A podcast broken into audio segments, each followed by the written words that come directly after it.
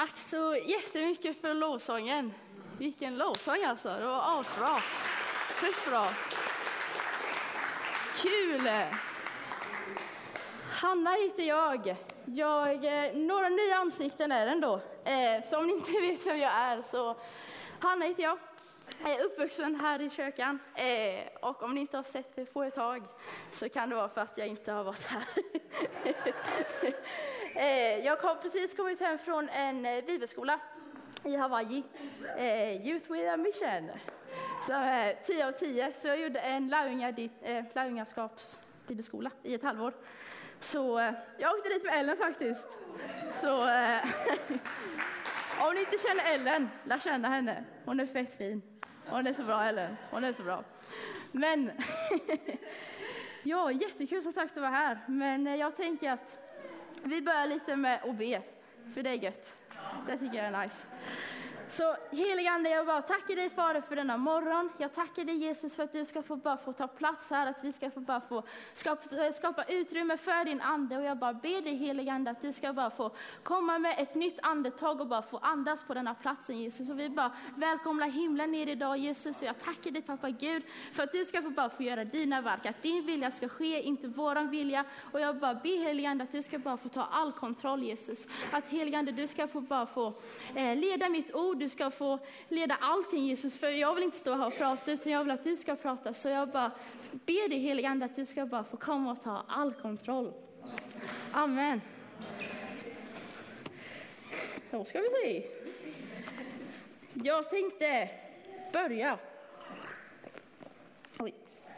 Eh, att läsa i Romarbrevet. Romarbrevet kapitel 1. Eh, Romarbrevet kapitel 1, vers 16 till 17. Snart där.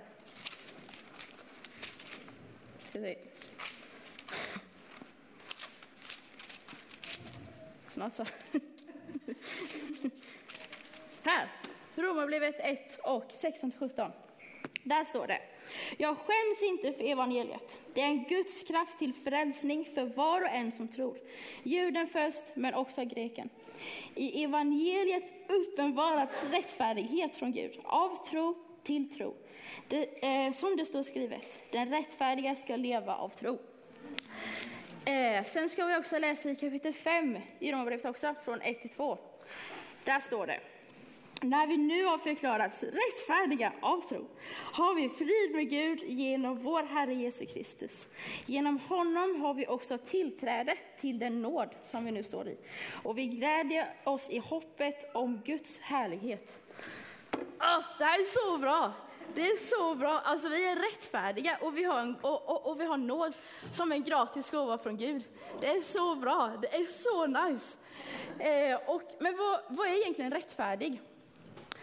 Jag skulle säga att rättfärdig är som sagt en gratis gåva som vi har fått från, eh, från Gud. Så att vi kan eh, eh stå rätt till genom vår tro i, i livet. Och det handlar inte om prestation, utan det handlar om, om, om, att det är en gratis gåva som sagt som vi har fått genom vår tro. Och jag tycker det är så nice, ett till bibelord i, i, i eh, femte kapitlet i Romarbrevet. Ja, det som vi eh, i 17 där i 17, så står det, för döden kom att regera för en endes fall eh, genom den ende. Hur mycket mer då ska inte den som tar emot den överflödande nåden och rättfärdighetens gåva få eh, regera i liv genom den enda Jesus Kristus?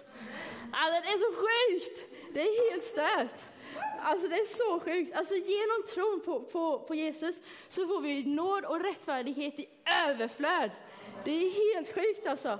Och nåd, jag tycker nåd är så nice. För alltså, Genom nåd så kan vi eh, växa och vi kan lära i det som Gud har kallat oss till att vara, men också eh, till att göra. Oh, det är så bra!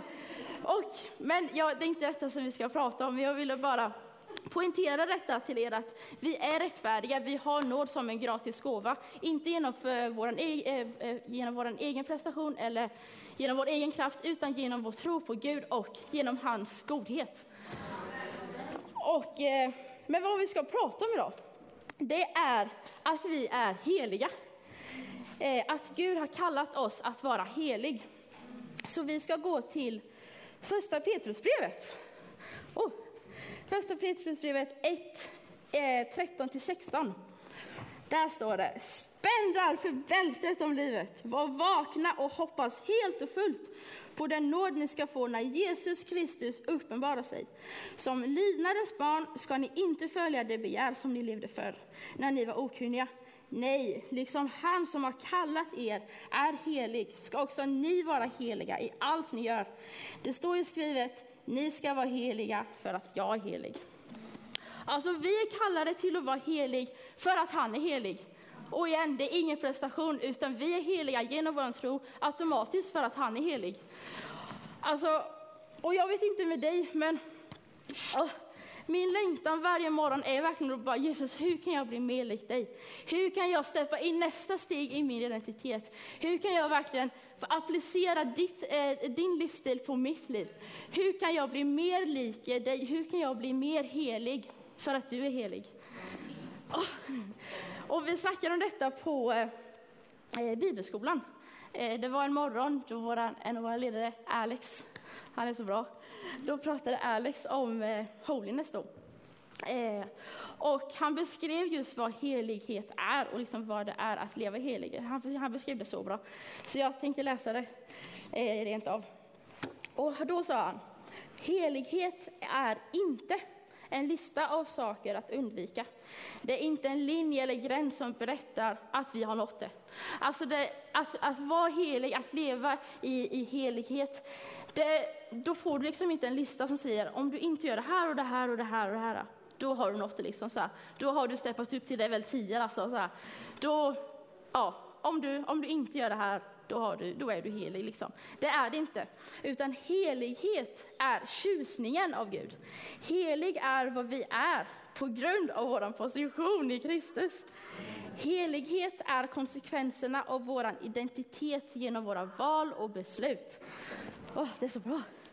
Och som sagt då, helighet, att vara helig, är inte en lista på saker som du inte får göra. Det är, det är inte någonting som berättar bara, nej men nu gjorde du fel, nu gjorde du rätt. Liksom. Det är inte en lista. Eh, men att vara helig, som är en del av vår identitet. eh, det medföljer val och beslut, som, eh, som vi läste, som gör att vi kan växa i vår helighet. Som gör att vi kan växa och bli mer lik Jesus. Och kanske har du ett område i ditt liv som du känner bara, oh, jag vill bli mer lik Jesus i detta. Kanske är det att du kanske snackar skitsnack om någon.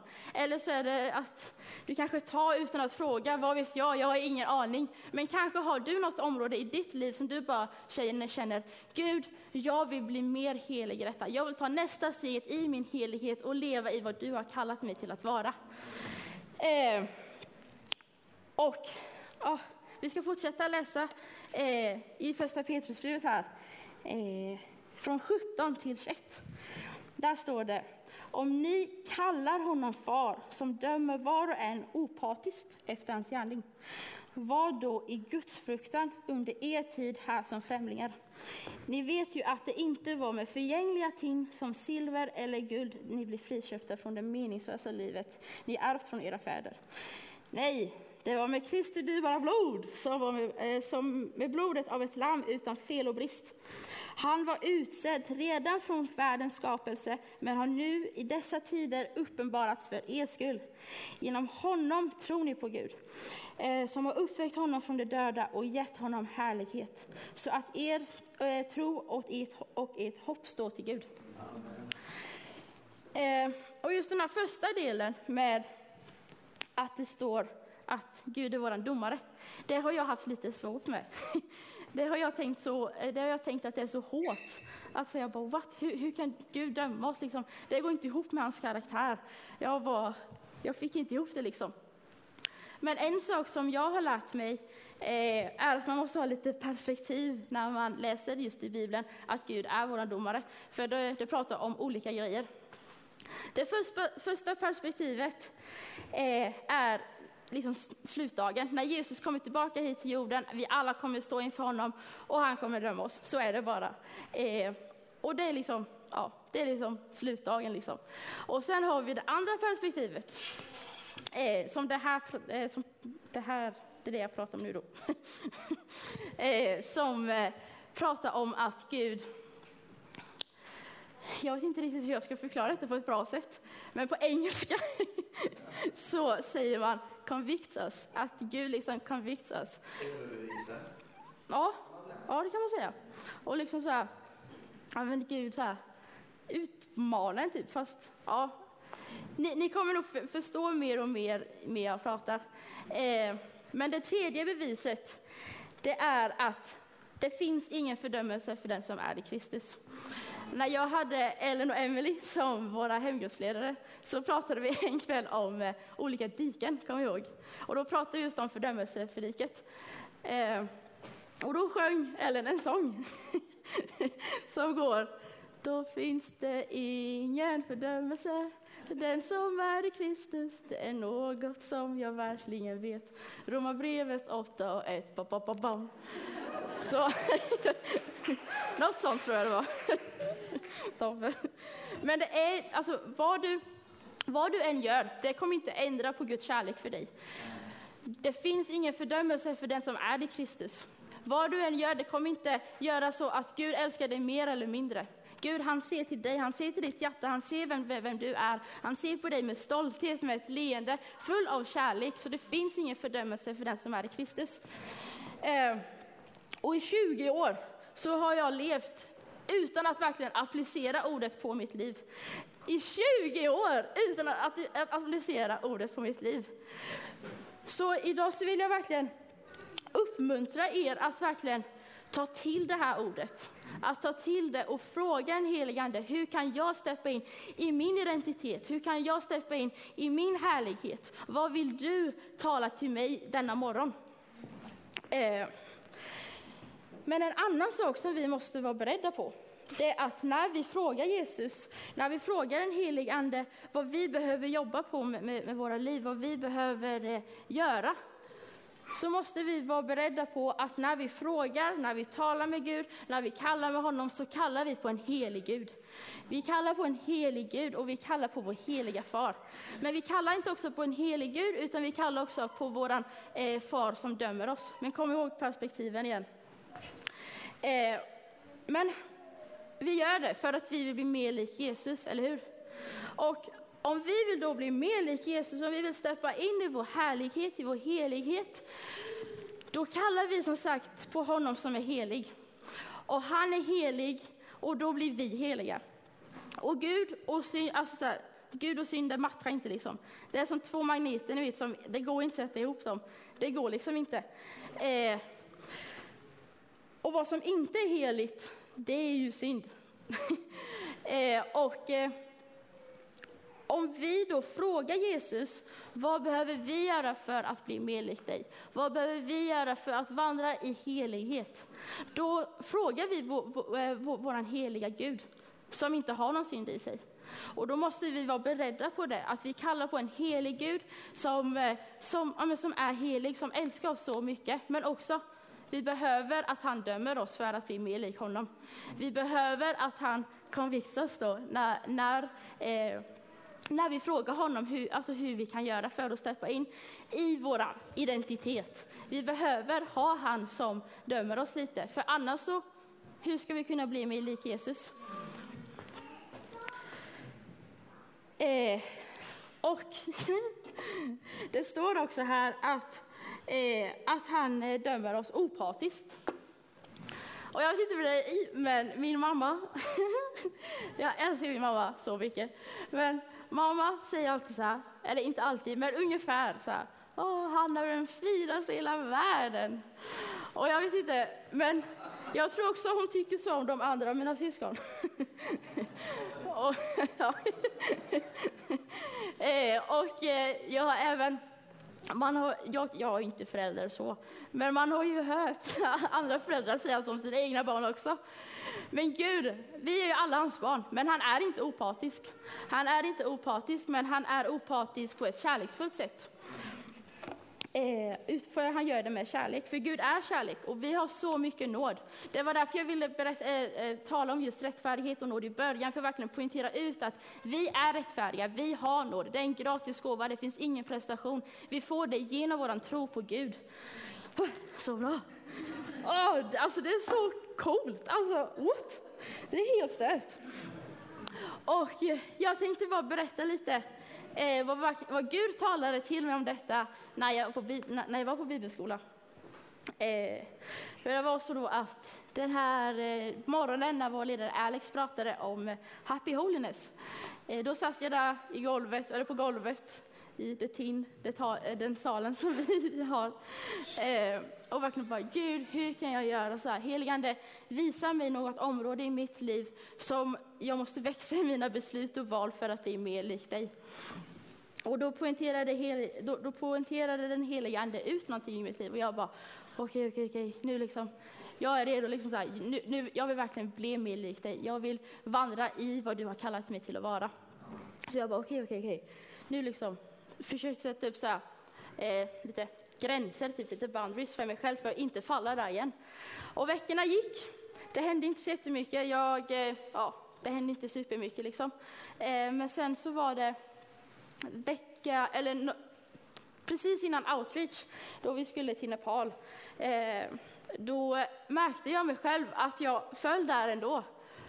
Och jag bara, nej, jag, jag sa ju till Gud att jag inte skulle göra det här. Och jag bara, va? Den helige Ande, alltså, ah. Och jag visste att jag gjorde fel. Jag visste att det inte var rätt det jag gjorde. Men jag vågade inte komma till Gud med det. Jag vågade inte komma till Gud och säga förlåt. Jag vågade inte erkänna det för Gud, för jag hade så mycket skam. Jag vågade inte göra det. Så jag fortsatte göra det eh, och försökte dölja mig typ så från Gud. Eh, och eh, ja, och sen så åkte vi då på outreach och precis och innan outreach då eh, fick jag till mig att jag verkligen då skulle fördjupa mig i första Petrusbrevet. Och första Petrusbrevet, alltså vilken bok! Man, man kan lära sig så mycket av första Petrusbrevet. Det är helt sjukt. Och då i alla fall så Eh, alltså jag hade inte läst första Petrusbrevet så här innan.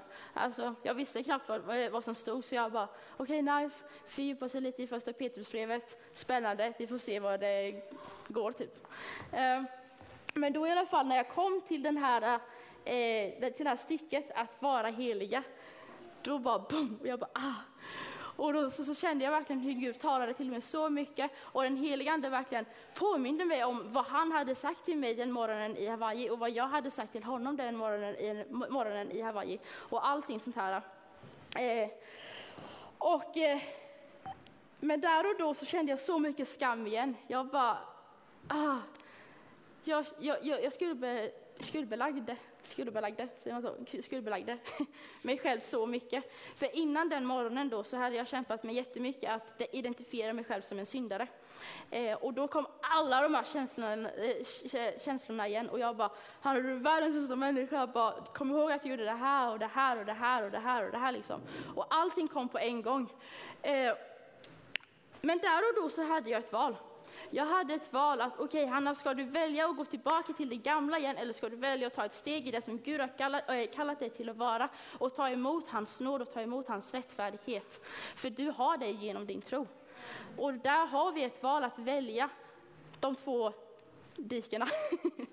Ska vi välja att gå i fördömelsediket eller ska vi välja att gå i det han har kallat oss till att vara och genom att göra? För det är därför vi har nåden, för att vi ska växa och lära oss i det han har kallat oss till att vara och göra. Åh, oh, det är så bra alltså! Det är helt sjukt! Det är så stört. Eh, oh, ja, det är så bra. Eh, men också det här, det står i vers 14 som lydnadens barn ska ni inte följa det begär som ni levde för när ni var okunniga. Som lydnadens barn, jag var inte lydig mot Gud. Jag var inte lydig. Han sa någonting, jag sa någonting och jag gjorde det helt, helt det motsatta och jag fortsatte att göra det. Men vi har så mycket nåd som sagt. Och vi kan känna så mycket skam, vi kan känna sjukt mycket skam. Och skam hindrar oss att ta emot hans frihet. Det hindrar oss att vandra i dess som han har gett oss. Och att vara helig, att vandra i helighet, det kan vara en börda, men det kan också vara en inbjudan för att få se, att få uppleva och att få vandra i det som Gud har kallat det till att vara. Oh, det är så bra. Och som sagt, skam, det hindrar oss att leva i den fulla frihet som Gud har gett oss. Men och ibland så får vi så mycket skam så att vi känner att vi gömmer oss från Gud. Att vi bara, men jag gjorde det här och jag vet att det här kanske inte var det bästa beslutet. Och vi vågar inte komma fram till Gud. Och då kommer stolthet in. Stolthet är den värsta friheten eh, mot eh, ödmjukhet. Men ah, jag ska läsa ett till bibelord. I andra Petrusbrevet, eller i första Petrusbrevet kapitel 2, vers 9, där står det men ni är ett utvalt släkte, ett kunnigt prästerskap, ett heligt folk, ett Guds eget folk för att förkunna hans eh, härliga gärningar. Han som har kallat er från mörkret till sitt underbara ljus.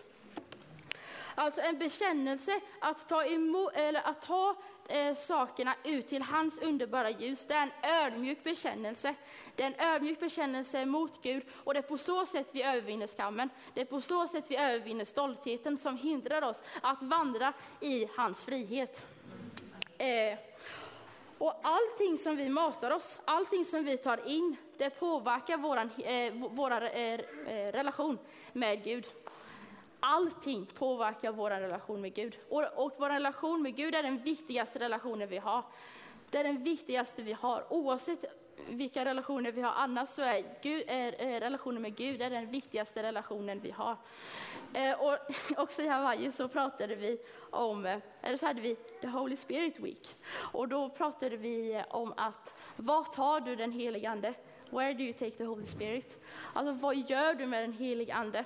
Vi, vi snackade om att, eh, vi, att den helige Ande vill ha en relation med oss, han vill ha en gemenskap med oss. Han går bredvid liksom hela tiden och bara går och köper lite mjölk liksom. Eh, men vart tar du den helige Ande? Vart tar du den helige Ande? Vilka filmer kollar du på en helig Ande? Vilka böcker läser du med en helig Ande? Vilka ord pratar du med den helige Ande? Vad gör du med den helige Ande och vart tar du honom någonstans? Eh, och ibland så kanske man frågar sig själv så här bara, men, men hur farligt är det att jag gör det här? Hur farligt är det verkligen att jag snackar lite skit om min kompis? Hur farligt är det om jag eh, kollar på den här sexscenen? Hur, eh, hur, liksom, hur stor big deal är det om, eh, om, jag vet inte, om jag säger det här om den andra församlingsmedlemmen? Hur stor big deal är det att jag tar det här utan att fråga?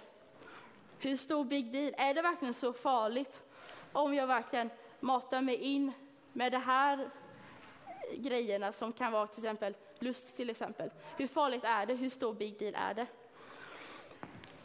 Frågan borde istället vara, hur mycket mer vill jag inte att Gud ska komma in i min situation?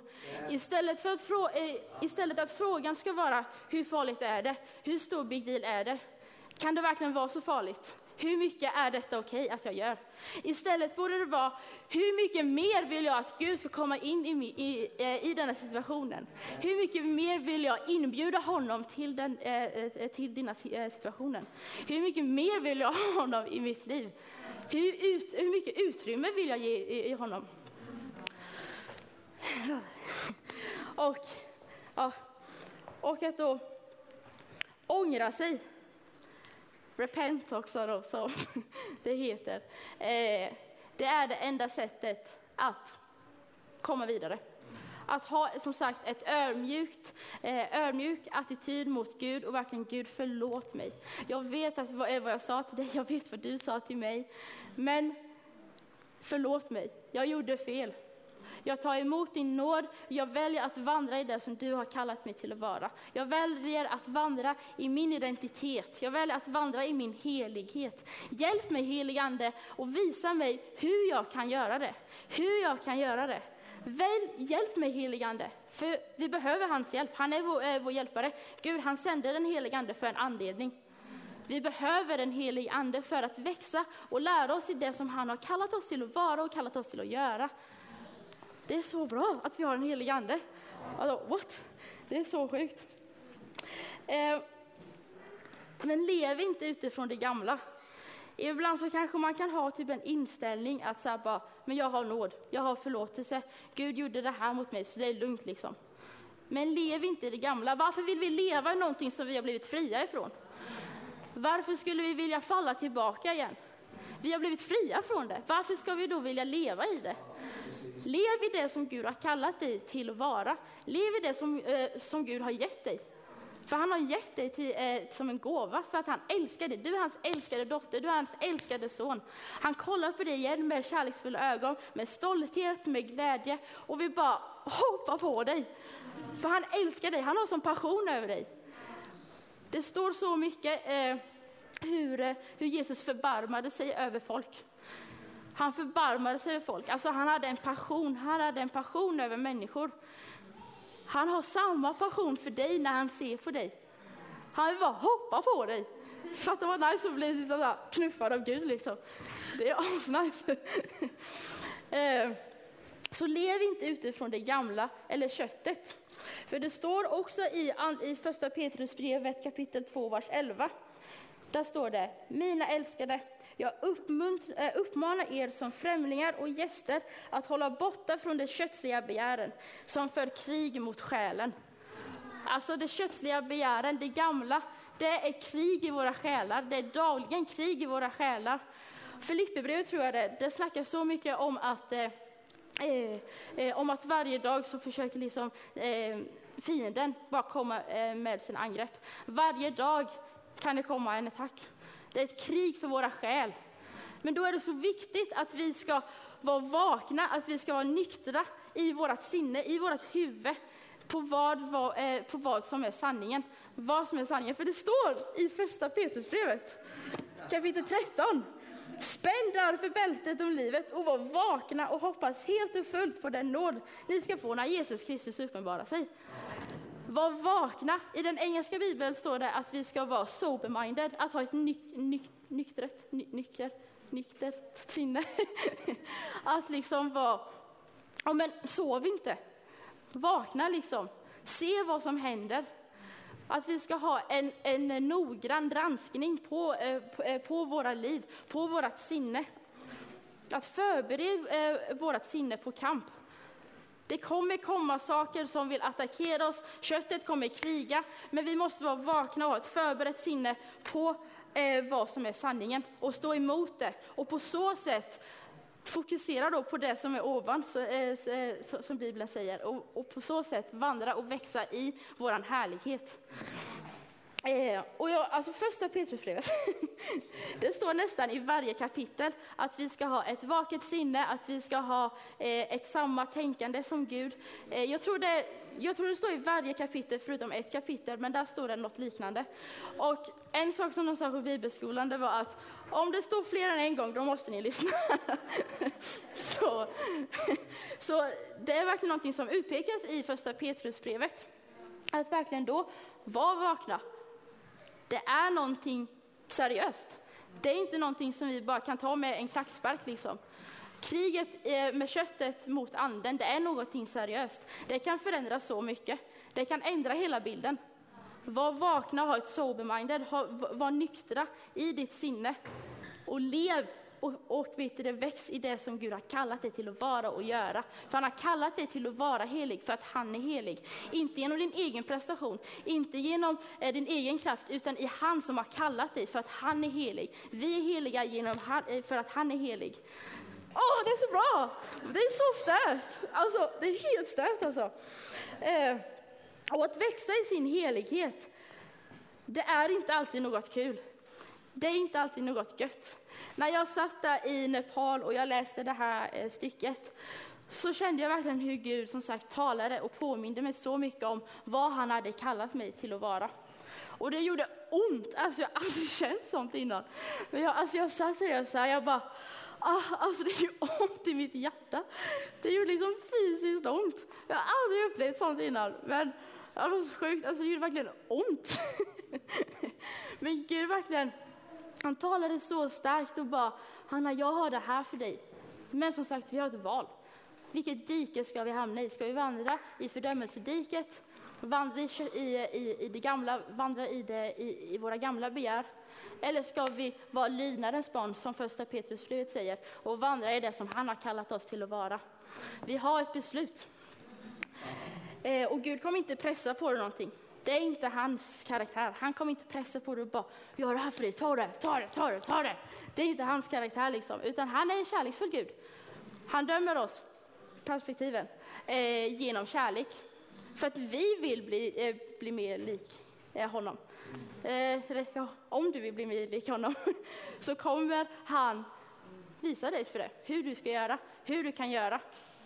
Han kommer inte pressa på, eh, på, på någonting om inte du vill det. För det är inte sån han är. Eh, och ja, men som sagt, det gjorde så ont i mig när jag var där i Nepal och det gjorde verkligen fysiskt ont. Och det är inte alltid gött, det är inte alltid en nice känsla att växa och utvecklas eh, i sin relation med Gud. Men hur ser man att äkta guld är äkta? Jo, man måste ta det genom elden. Man måste ta det genom elden och se om det är äkta guld. Och samma sak är det med våra liv. Hur kan vi se om det är äkta? Ibland måste vi gå genom elden, ibland måste vi gå genom det jobbiga, genom det jättejobbiga för att se om det är äkta. Vi måste testas på prov. Våra liv med Gud, vår relation med Gud måste testas på Gud, eh, eller eh, måste testas genom tro för att vi ska kunna växa i, i, i hans härlighet. Jag har alltid tänkt så här, vända med Gud är så härligt. Alltså, det dans på rosor typ så här. La, la, la, la. Och ja, ibland är det asgött, ibland är det underbart. Men ibland är det inte lika underbart. Vi måste också dansa på rostaggarna. Vi kan inte bara dansa på rosbladen, utan vi måste dansa på rostaggarna. Och det är det som gör skönheten till rosen. Att vi dansar på hela rosen och inte bara på rostaggarna. För de här rostaggarna, det, pappa de är ju bra på blommor liksom. Och de säger att den är så, jag för mig han sa att roten är så lång, eller så här, de är så långa ju liksom. Men att det är på så sätt det är med våra liv, att vi, när vi dansar på, eh, på, eh, på taggarna så växer vi. Blomman växer ut, rosen blir lång. Det, det, det blir liksom en, en vacker ros.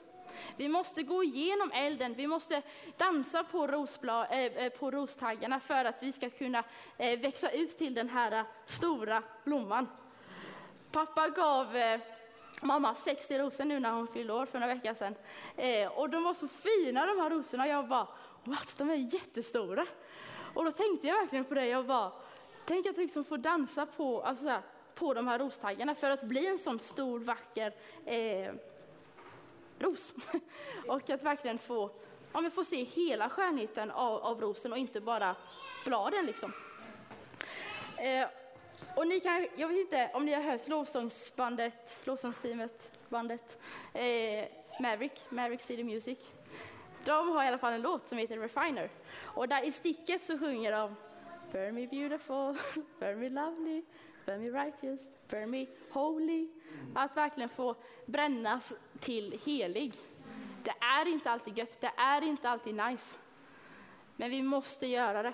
Vi måste ta igenom det. Om vi vill bli lika Jesus, är du villig att bli, äh, att bli mer lik Jesus? Är du villig att ta nästa steg i din identitet?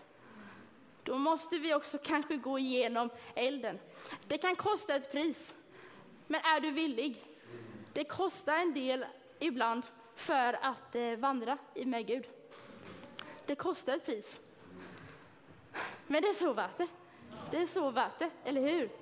Oavsett vad som händer, oavsett vad, vad, vad känslorna är, oavsett vad tankarna är, så är det värt det. Det är så värt det. Det är så bra alltså. Det är så värt det att vandra i det som Gud har, har, har kallat det till dig att vara.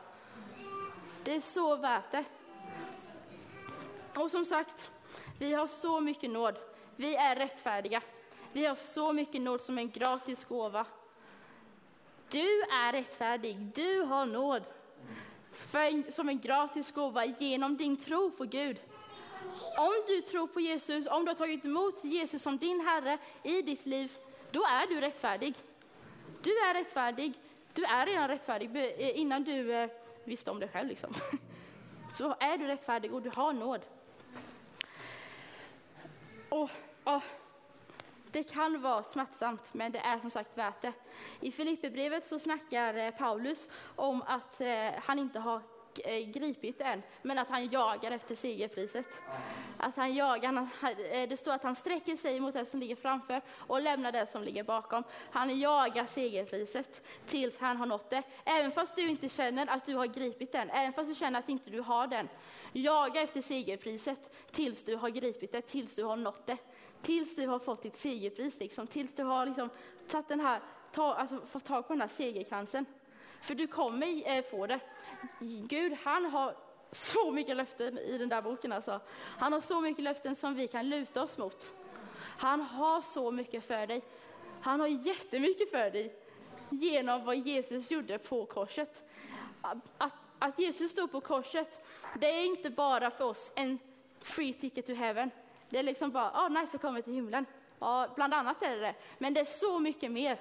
Vi har så mycket mer i vad Jesus gjorde för korset för våran skull. Genom Jesus blod, genom Jesus, ja, men genom Jesus offer som var sig själv, så kan vi verkligen göra så mycket genom hans kraft. Vi kan göra det vad han har, igen, vad han har kallat oss till att vara och vad han har kallat oss till att göra. Ah, det är så bra! Alltså vilken gåva! Alltså vem är som Jesus egentligen?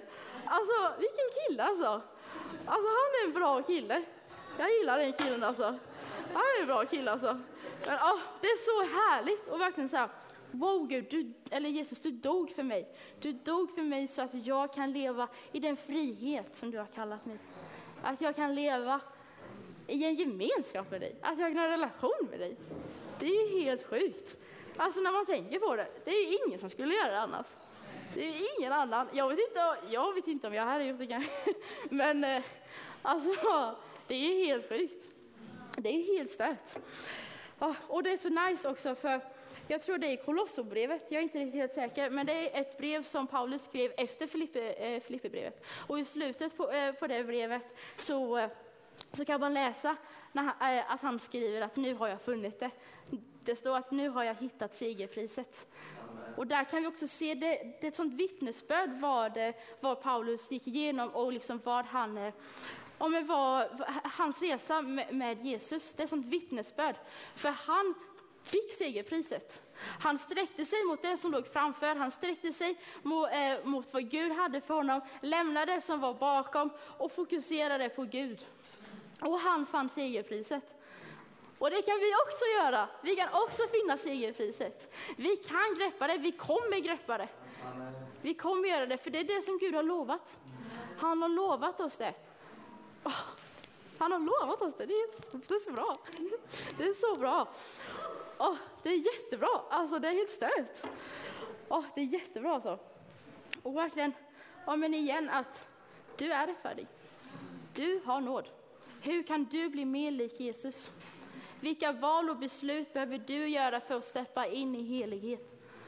Fråga den helige Ande, helige Ande, visa mig hur jag kan bli mer lik dig. Visa mig hur jag kan göra för att steppa in i det som du har kallat mig till att vara.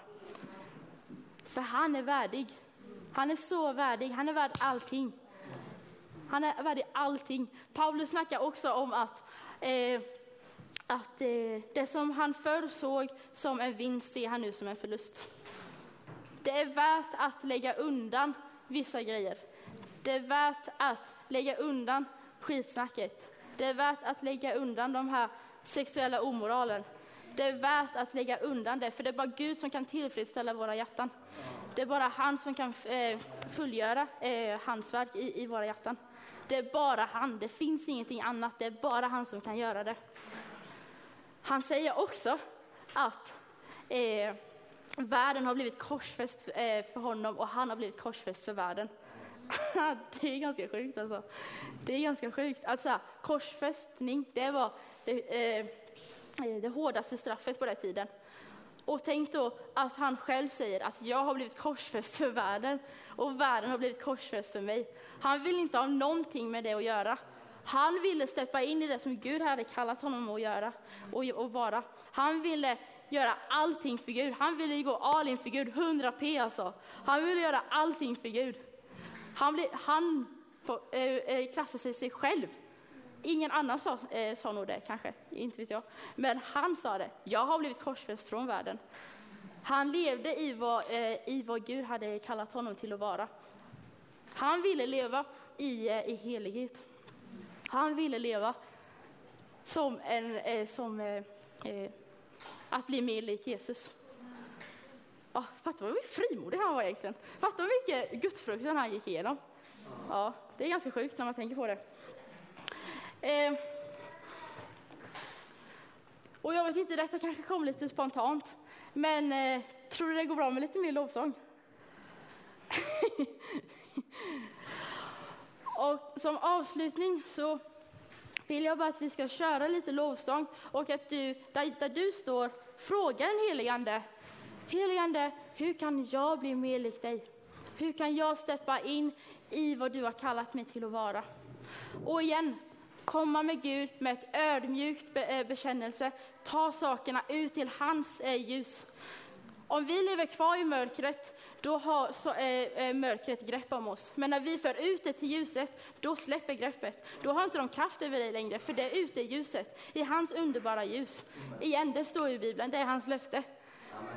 Så jag vill bara uppmuntra dig nu att applicera ordet på ditt liv. Applicera det på dig. Hur kan jag bli mer lik dig Jesus? I vilka områden? I vilka områden kan jag bli mer lik dig? Hur kan jag vandra i din helighet? Hur kan jag göra? Och om du vill ha förbön, förbön är nice, jag, jag tycker om förbön, eh, så vill jag jättegärna be för dig. Så eh, jag tycker att vi kör lite lovsång.